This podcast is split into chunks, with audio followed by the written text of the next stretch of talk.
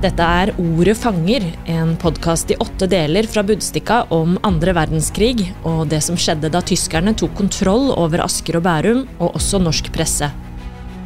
For det ble en tøff tid for Budstikka-redaktør Johs Løken, som fortsatte å utgi avisen selv om nazistene kom med detaljerte instrukser for hva som var tillatt å publisere og ikke. Du skal også få høre historier om menneskene som sto imot nazistene, de som led og de som overlevde. Historieforteller er Dag Otter Johansen, og dette er femte episode om redaktørens nei.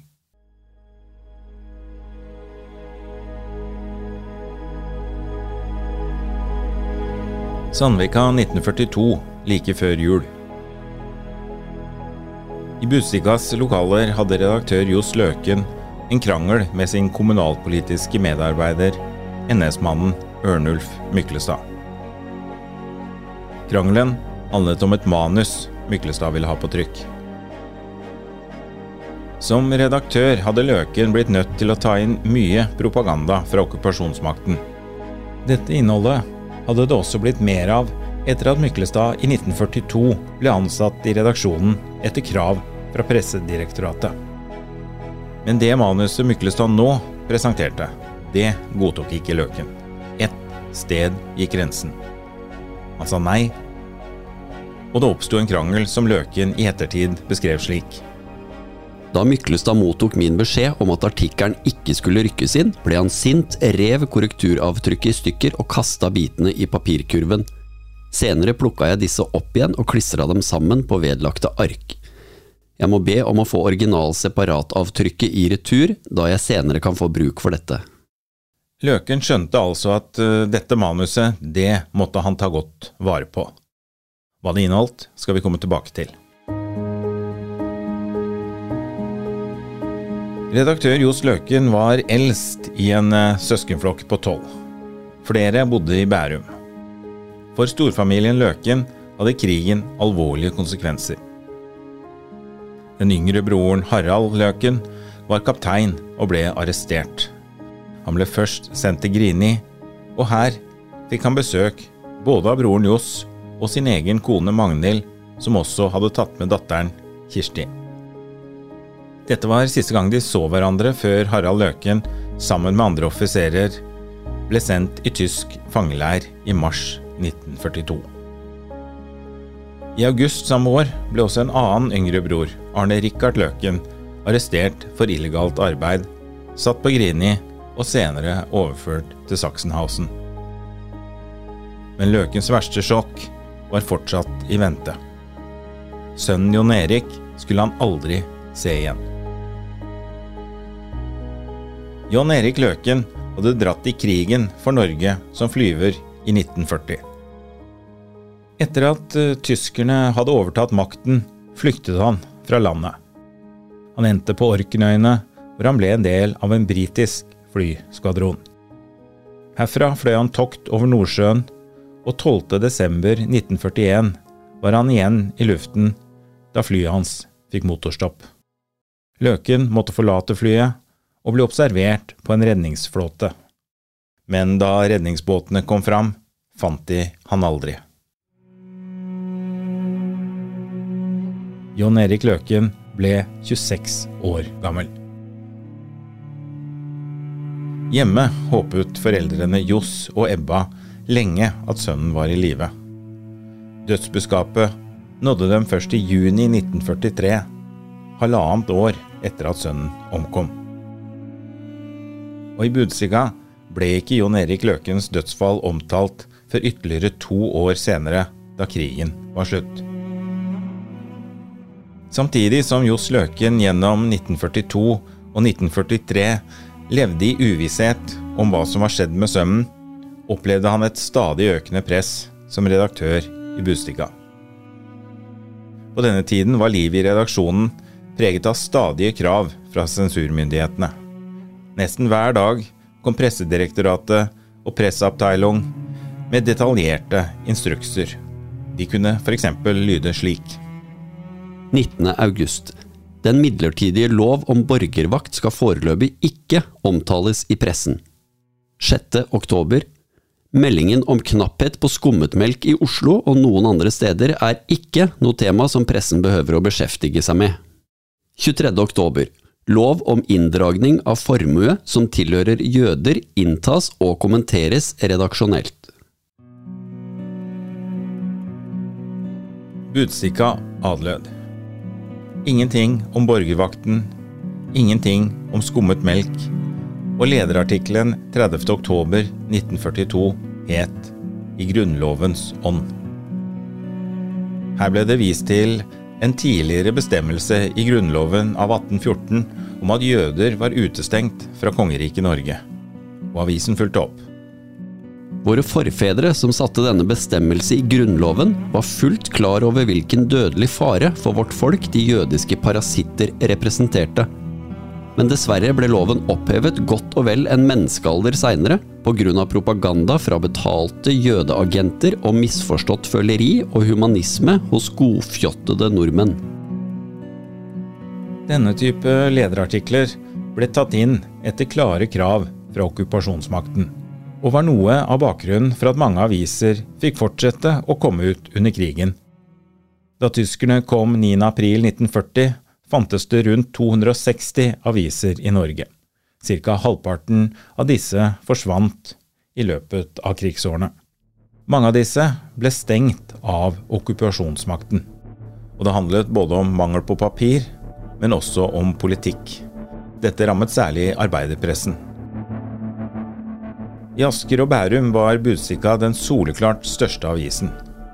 Konkurrenten Forstadsposten skulle bli lagt ned av Pressedirektoratet i 1942. Busika var en konservativ avis, og redaktør Johs Løken hadde frem til krigen vært formann i Vestre Bærum Høyre. Selv om sønnen Jon Erik våren 1940 hadde kjempet som flyver på norsk side, fikk redaktør Løken likevel drive avisen videre. Så lenge han gjorde som sensurmyndighetene krevde, og tok inn lederartikler som denne i Grunnlovens ånd, der jødene ble omtalt som parasitter. Redaktør Løken hadde utviklet en strategi for at det skulle bli færrest mulig slike artikler med propaganda. Pga. papirmangelen hadde avisen gått ned fra tre utgivelser i uken til to. Sidetallet var også redusert fra seks til fire. Derfor argumenterte redaksjonen ofte med at de ikke hadde plass til dette propagandastoffet. De ville heller ha lokalt innhold. Så etter okkupasjonen droppet Budstikka langt på vei de politiske lederne som hadde vært vanlige før krigen, og fant heller plass til reven som drepte på Kjørbo, og grevling midt i Sandvika. Men som eksempelet i Grunnlovens ånd viser, det ble vanskeligere og vanskeligere å dukke unna. Fra høsten 1942 ble det stadig mer politisk stoff i Budstikka. Det var altså Ørnulf Myklestad, propagandalederen i Store-Oslo NS, som nylig hadde begynt i avisen, som sørget for at det ble stadig mer innhold som både støttet Nasjonal Samling og fremferden til tyskerne. Johs Løken var blant de redaktørene som aksepterte å få en NS-journalist tvangsansatt i redaksjonen. Etter alt å dømme skjedde det på en høflig måte. NS-medarbeideren Myklestad beskrev etter krigen forholdet sitt til redaksjonen slik. I den tid jeg var medarbeider i Asker og Bærums Budstikke, sto jeg hele den tid på en meget god fot med redaktøren og redaksjonssekretæren så vel som det øvrige personalet. Budstikka trykket ingen åpen kritikk av det nye regimet. Bare mellom linjene hendte det at lokalavisen våget et og annet stikk. 11.2.1944 ble kjøpmann Jens Helgebostad fra Tanum påkjørt av toget ved Billingstad stasjon. Det skjedde da han var ute og gikk borgervakt ved siden av skinnegangen klokken syv om morgenen. Han var, sammen med flere, kalt ut som borgervakt av nazimyndighetene, og oppdraget deres var å beskytte Billingstad stasjon mot sabotasje fra hjemmefronten. Disse borgervaktene var lite populære. De hadde kostet flere mennesker livet, og slik skulle det gå for Helgebostad også. 0635-toget fra Oslo traff han bakfra, og han ble slengt utfor en bratt skråning, og her ble han funnet med hodeskader og en alvorlig flenge i det ene låret. Han døde på Bærum sykehus seks dager senere. Begravelsen ble en stor reportasje i Budstikka 25.2. For stor, hevdet sensurmyndighetene i etterkant. De tolket den som en jøssingdemonstrasjon. Det verste var likevel ordtaket i bunnen av artikkelen for å fylle opp siden. Der sto det 'Ingen vinner seier uten kamp'.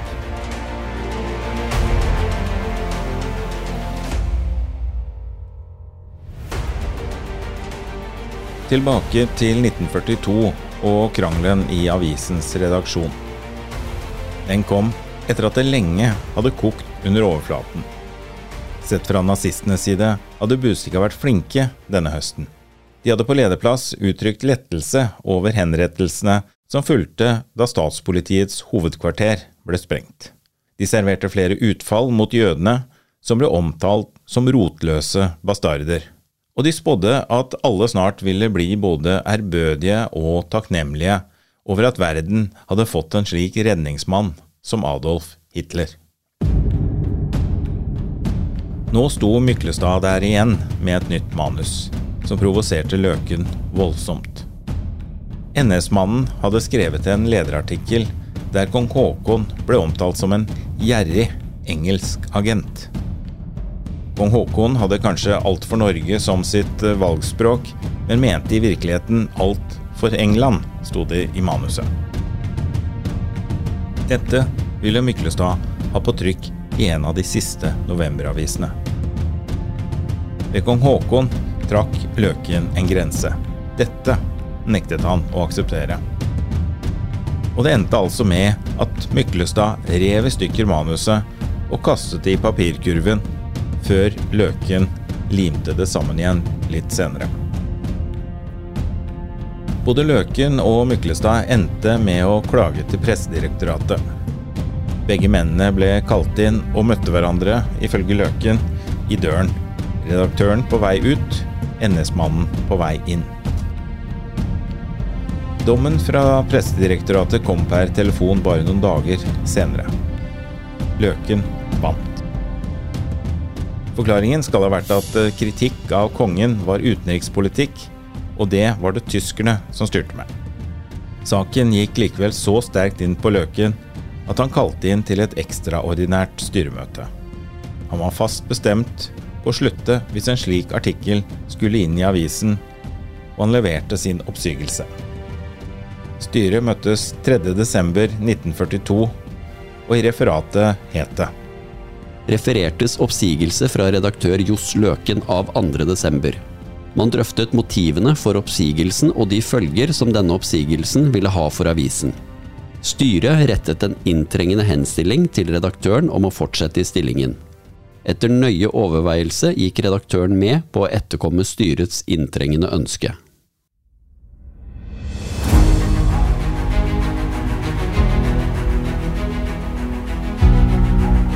Du har hørt femte episode av Ordet fanger, en podkast om Budstikkas historie under andre verdenskrig.